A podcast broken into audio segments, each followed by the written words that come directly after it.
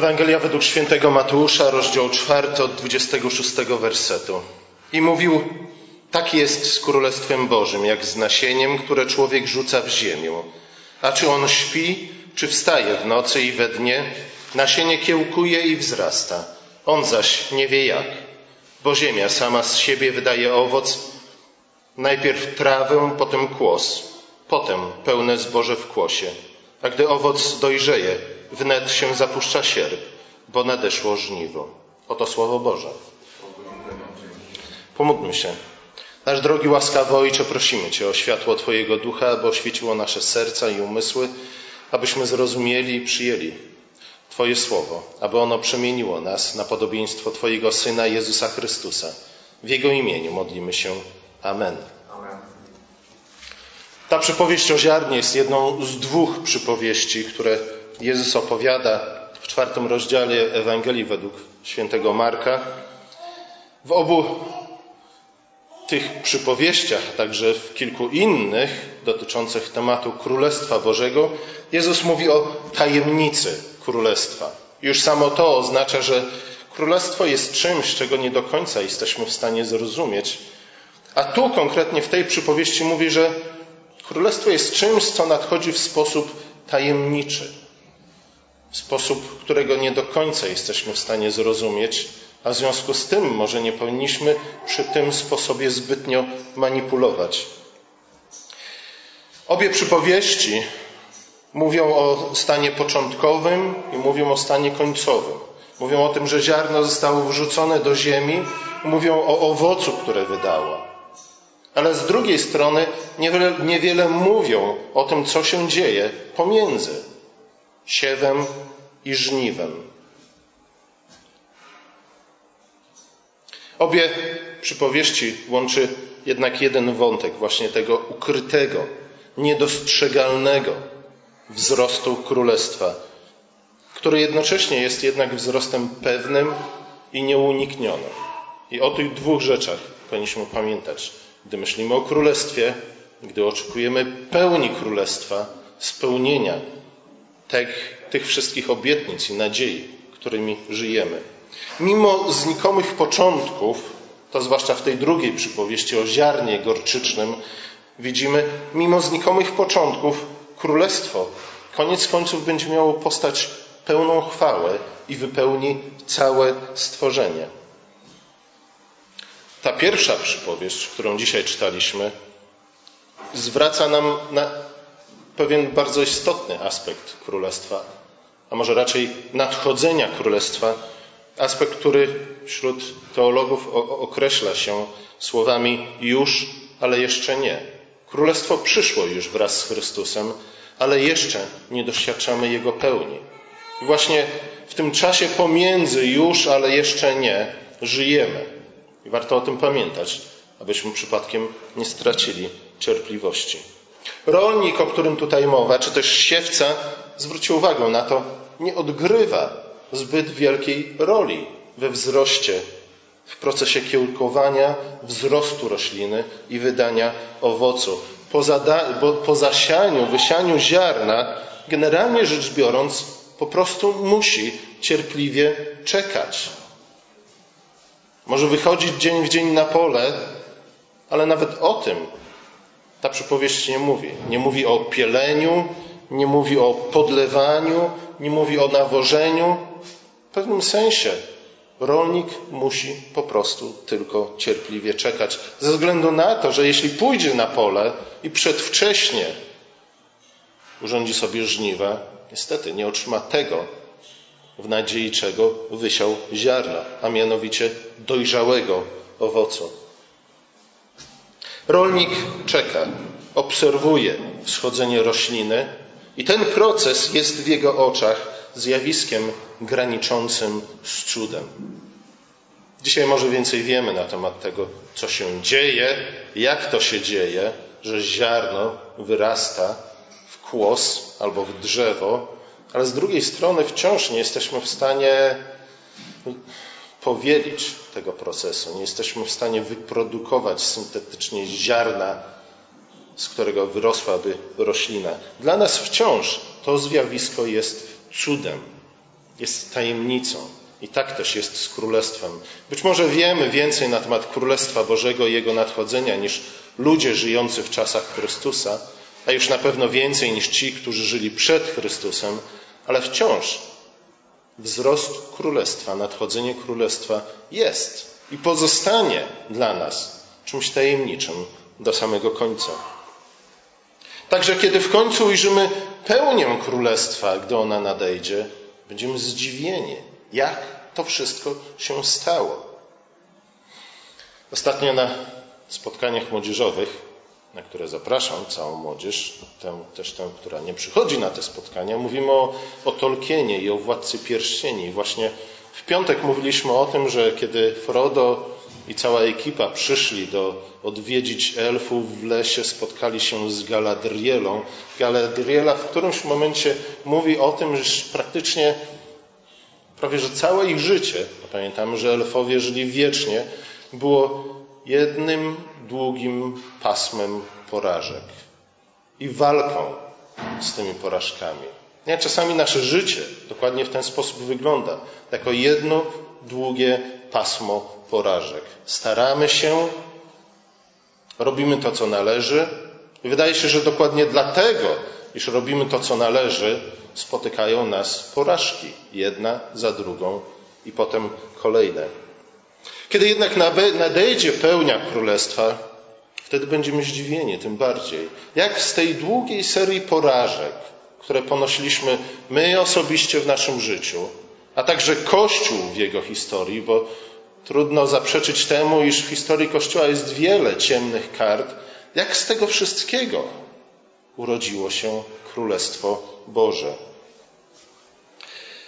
Ta cudowność podkreślona jest przez aluzję do stworzenia świata. Zauważcie, że rolnik wstaje, rolnik wieczorem kładzie się spać i rano wstaje.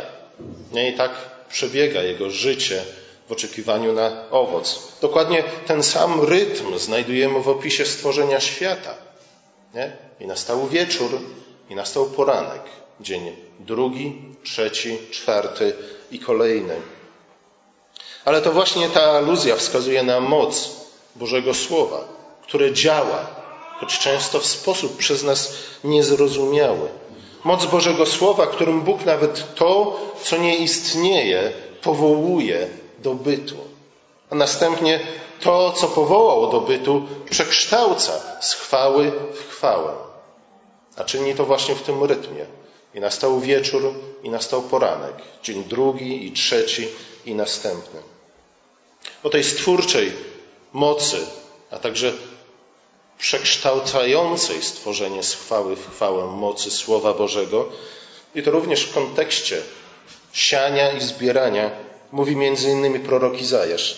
Jak deszcz i śnieg spada z nieba i już tam nie wraca, a raczej zrasza ziemię i czyni ją urodzajną, tak iż porasta roślinnością i daje się wcy ziarno, a jedzącym chleb, tak jest z moim słowem, które wychodzi z ust moich, nie wraca do mnie puste, lecz wykonuje moją wolę i spełnia pomyślnie to, z czym je posłałem. A więc koniec końców nadejście królestwa zależy od mocy Słowa Bożego, które trwa na wieki, a nie od naszej mocy. I właśnie dlatego królestwo nadejdzie. My mamy swój udział w nadejściu tego królestwa, ale nie jest to udział podobny, czy też taki, jaki udział w tym procesie ma Słowo Boże. Ono jest słowem stwórczym, ono jest słowem inicjującym, ono jest słowem napędzającym ten cały proces. My mamy udział w tym procesie na tyle, na ile sami przyjmujemy to słowo do naszych serc i poddajemy się mu. A zatem w jakimś istotnym sensie rozwój królestwa nie, za, nie zależy od naszych wysiłków. To jest coś, o czym musimy pamiętać. Nie znaczy to, że nie mamy pracować dla królestwa, że nie mamy pracować dla jego rozwoju, ale z drugiej strony może powinniśmy czynić to w sposób ostrożny.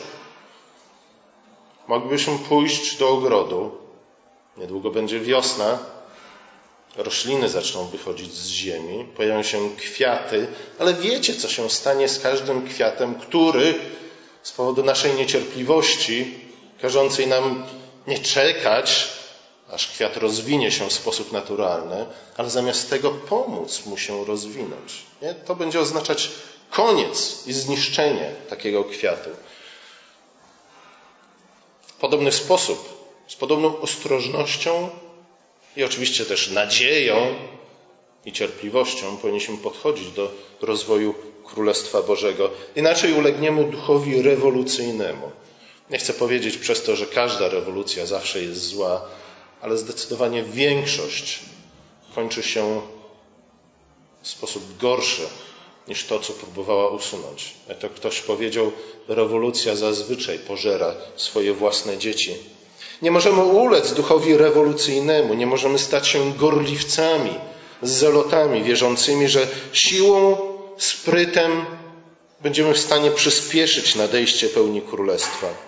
Historia Kościoła pokazuje, iż zdecydowana większość takich prób kończy się raczej zniszczeniem tego królestwa niż jego budową.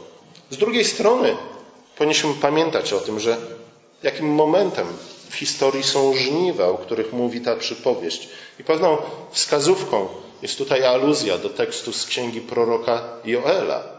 Jeśli jesteśmy w księdze proroka Joela, to oczywiście ta proroka wiąże nam się nierozerwalnie z dniem zesłania Ducha Świętego. Prorok mówi: Zapuśćcie sierp, bo żniwo już dojrzało. Cała ta księga mówi o nadejściu dnia Pana, dnia, który będzie właśnie dniem żniwa, dniem sądu. Ale z drugiej strony prorok mówi, że będzie to również dzień odnowy, ponieważ to będzie dzień żniwa, który jest sądem, ale jednak również żniwą, żniwem, będzie to dzień wielkiej radości, dzień odnowy ludu Bożego, dzień zesłania Ducha Świętego, dzień zebrania obfitych plonów spośród narodów. Dlatego też nie powinno nas dziwić, że apostoł Piotr w dziejach apostolskich, kiedy rzeczywiście Duch Święty został wylany na lud Boży, cytuje właśnie proroctwo księga Joela, aby wskazać na to, że tu i teraz spełniło się to, o czym mówił prorok. Bóg odrodził swój lud. Bóg zesłał swojego ducha. Bóg zebrał trzy tysiące nowych wiernych spośród ludzi pochodzących z różnych zakątków świata. Piotr nie miał wątpliwości, że właśnie na jego oczach dokonuje się to, co zapowiedział prorok Joel. To jest ten dzień Pana, to jest ten dzień żniwa. Z drugiej strony apostoł Paweł w liście do Tesaloniczan, w pierwszym liście do Tesaloniczan, mówi o Dniu Pańskim jako o dniu, w którym Bóg dokona sądu na odstępczej Jerozolimie, zniszczy świątynię w roku 70 po Chrystusie. A z kolei Księga Apokalipsu mówi o Dniu Pańskim jeszcze w innym wymiarze. Nie odnosi się do wydarzeń roku 70, ale mówi też o Dniu Pańskim w kontekście Dnia Sądu Ostatecznego. Więc mamy co najmniej trzy wielkie dni pańskie, które czekają nas po drodze do pełni królestwa. Ale wiem, że to staje się skomplikowane, ale wszystkie mądre rzeczy są skomplikowane. E, ale dniem pańskim w Piśmie Świętym jest również nabożeństwo Kościoła, który zbiera się pierwszego dnia każdego tygodnia na pamiątkę dnia, w którym zmartwychwstał Chrystus, po to, aby słuchać Słowa Bożego, po to, aby spożywać ciało i krew naszego Pana. To również jest Dzień Pański. Zobaczcie, mamy tutaj zatem jakby dwa schematy, które nakładają się na siebie, nie? wyznaczając w gruncie rzeczy rytm, według którego rozwija się cała historia. Zesłanie Ducha Świętego, sąd nad Jerozolimą, a następnie dzień sądu ostatecznego. I na to nakłada się ten drugi rytm, ten tygodniowy rytm, o którym przypomina nam nasze nabożeństwo. Właśnie te dwa cykle nakładające się na siebie sprawiają, iż królestwo się przybliża, iż królestwo nadchodzi. I znów te dwa cykle również przypominają nam o tym, iż jest to długi proces, dlatego nie powinniśmy ulegać zniecierpliwieniu, zwłaszcza ten cykl tygodniowy. Zobaczcie, dzisiaj w gruncie rzeczy jesteśmy tacy sami i znajdujemy się prawdopodobnie w tym samym miejscu naszej pielgrzymki żociowej, co tydzień temu, gdy byliśmy tu na nabożeństwie. Niewiele w naszym życiu się zmienia z tygodnia na tydzień. Nie? I ten cykl właśnie o tym nam przypomina, że jesteśmy jak ten rolnik, który czeka na wykiełkowanie, a następnie zaowocowanie rośliny. Wychodzimy tydzień po tygodniu z naszych domów i nie zauważamy zbyt wielkich zmian. Musimy dopiero spojrzeć z o wiele większej, dalszej perspektywy, żeby zauważyć pewne zmiany w strukturze, w historii świata, pewne zmiany, które czasami mniej lub bardziej trafnie możemy przypisać właśnie temu, iż Chrystus przyszedł, a z nim razem Jego Królestwo. Biblia z jednej strony wzbudza w nas nostalgię za ogrodem. Eden, za ogrodem Eden, za tą rajską krainą, za dawnymi czasami, które często jawią się nam jako złoty wiek, który bezpowrotnie odszedł do przeszłości, jest stracony dla nas. Nigdy do niego, do niego nie wrócimy. Jeśli z tego powodu, z powodu tej nostalgii, która sama w sobie nie musi być zła, ale jednak jeśli zdominuje nas, a tym bardziej jeśli przyćmi nadzieję, nadzieję na to, co jeszcze czeka nas w życiu i w przyszłości, z tego powodu możemy stwierdzić bardzo łatwo, że lepiej już było, że przyszłość nie niesie nam żadnej nadziei na powrót do ogrodu. Wtedy ta nostalgia stanie się dla nas więzieniem, a nasze życie stanie się bezowocnym. Będziemy jak starożytni Grecy traktować śmierć jako lekarstwo na chorobę, którą jest życie. Będziemy próbować uciec od tego życia tu i teraz, dlatego że ono jest pasmem niedoli, pasmem porażek. Z drugiej strony Biblia wzbudza nas, w nas nadzieję na nową Jerozolimę, właśnie na tę pełnię królestwa, tęsknotę za wiekiem przyszłym, która czasami jawi się jednak dla nas, jakby była tuż za rogiem, na wyciągnięcie ręki. Wystarczy kilka sprytnych decyzji, kilka sprytnych ruchów i już pochwycimy już nastanie pełnia królestwa. W takim przypadku bardzo często ulegamy rozczarowaniu, które jest końcem każdego marzycielstwa. Nie? Trudno, trudno być podekscytowanym, jeśli rok za rokiem upewniamy sami siebie, a może ktoś inny nas upewnia o tym, że już tuż, tuż, może jeszcze rok, może jeszcze dwa i pełnia królestwa nastanie na ziemi. Prędzej czy później takie marzycielstwo skończy się dla nas źle, ponieważ doprowadzi do tego, iż staniemy się cynikami, którzy porzucili wszelką nadzieję. Albo też rozbudzi w nas właśnie tego ducha rewolucyjnego, który nie widzi innego sposobu na urzeczywistnienie, na ziszczenie marzeń, jak tylko poprzez wywołanie sytuacji kryzysowej, jakiegoś kataklizmu, w którym zginie ten stary świat, który nas boli, które nam doskwiera, którego chcemy się pozbyć, od którego chcemy uciec, w nadziei, że z tej katastrofy wyłoni się nowy, lepszy świat, jak zwód potopu. A jednak to nie od nas zależy ustalanie czasów, kiedy Bóg ma spuścić na świat kolejny kataklizm, kolejny potop. A z drugiej strony on sam powiedział, że drugiego potopu już nie będzie. Ta prawda, o której dzisiaj mówią, że historia świata wyznaczona jest przez te dwa punkty. Z jednej strony ogród Eden, z drugiej strony Nowa Jerozolima. Jest bardzo dla nas ważna. Ale musimy pamiętać o tym, że żyjemy pomiędzy tymi dwoma punktami w historii. I nie za bardzo wiemy, gdzie na tej linii się aktualnie znajdujemy. Biblia mówi, w jaki sposób Bóg prowadzi nas od jednego do drugiego punktu a prowadzi nas przede wszystkim powoli, krok po kroku.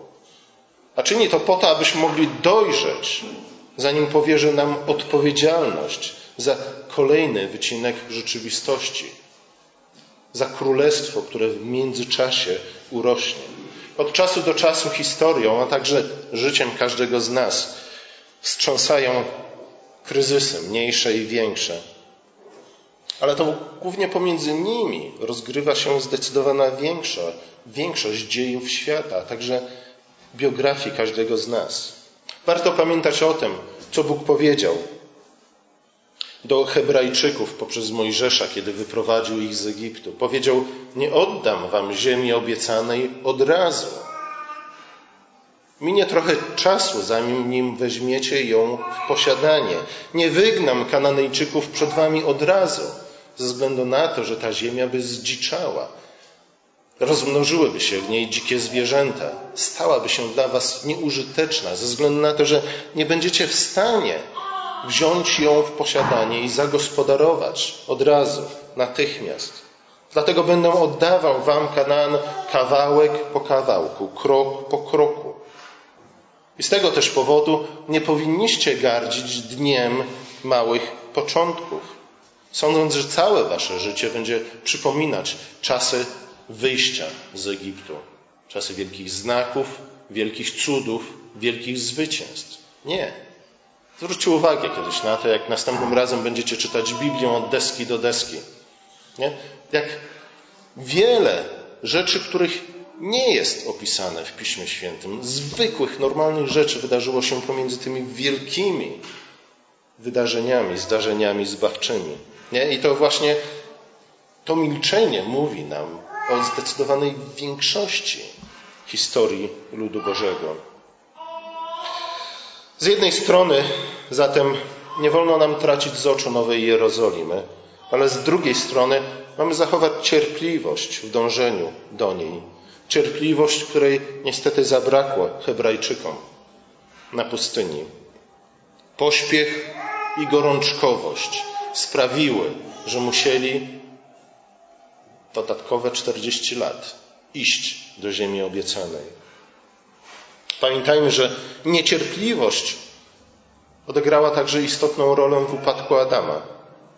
Ta sama niecierpliwość może zniszczyć te owoce królestwa, którymi już się cieszymy. Niecierpliwość budzi gniew i frustrację. Nie? Bo niecierpliwość mówi nam, że mamy prawo do tego, aby mieć już tu i teraz to, czego pragniemy czego może słusznie pragniemy i co może słusznie nam się należy. A jednak, kiedy nie otrzymujemy tego tu i teraz, budzi to w nas gniew i frustrację. Gniew na Pana Boga, gniew na naszych bliźnich, których obwiniamy za to, iż nie otrzymaliśmy to tu i teraz. A czasami zwracamy się nawet przeciwko samym sobie i zaczynamy się obwiniać o to, że nie mamy tego, czego Bóg nam obiecał tu i teraz. A to z kolei prowadzi do depresji i zwątpienia. Niecierpliwość czyni z nas ludzi impulsywnych, nie, działających pod wpływem chwili, ciągle reagujących na to, co się dzieje w naszym życiu, a także na ludzi niedoinformowanych. Nie, bo jeśli jesteśmy niecierpliwi, to brakuje nam cierpliwości tego, aby się doinformować, aby się dowiedzieć czegoś, aby się nauczyć, aby w ten sposób może dojść do odrobiny mądrości. Niecierpliwość zabija w nas ducha wdzięczności. Te dwie rzeczy są przeciwieństwem, są antonimami. Niecierpliwość i wdzięczność nigdy nie idą w parze. Niecierpliwość w związku z tym przemienia nas w zrzędy, w wiecznych malkontentów. Jeśli zauważyliście w swoim życiu, albo ktoś zwrócił Wam na to uwagę, że e, w tym, co mówicie, jest więcej narzekania niż radości albo wdzięczności, jesteście ludźmi niecierpliwymi, którym brakuje bardzo istotnej cechy chrześcijanina. Niecierpliwość, jak powiedział Dumbledore do Harry'ego Pottera, każe wybierać drogę łatwą zamiast drogi słusznej. I myślę, że to są słowa, które bardzo dobrze podsumowują problem niecierpliwości.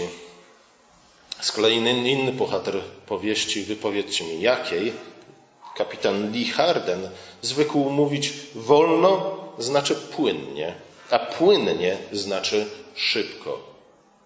Nie? Z jednej strony paradoks, ale z drugiej strony przypowieść o ziarnie wrzuconym w ziemię wydaje się nam potwierdzać ten paradoks. A zatem uniszmy się pod silną ręką Boga, aby wywyższył nas we właściwym czasie, mówi apostoł Piotr. Apostoł Paweł z kolei sekunduje mu słowami: czyniąc dobrze, nie zniechęcajmy się. Nie ulegając bowiem zniechęceniu, będziemy zbierać owoc znów we właściwym czasie. Póki co więc siejmy i czekajmy cierpliwie i będziemy zbierać owoc we właściwym czasie. Nawet jeśli musimy siać we łzach, Bóg obiecuje nam, że kiedy przyjdzie czas żniw, będzie to czas wielkiej radości. Może już jutro, może za rok, a może za 400 lat, bo tyle Abraham musiał czekać na spełnienie obietnicy, którą Bóg mu dał.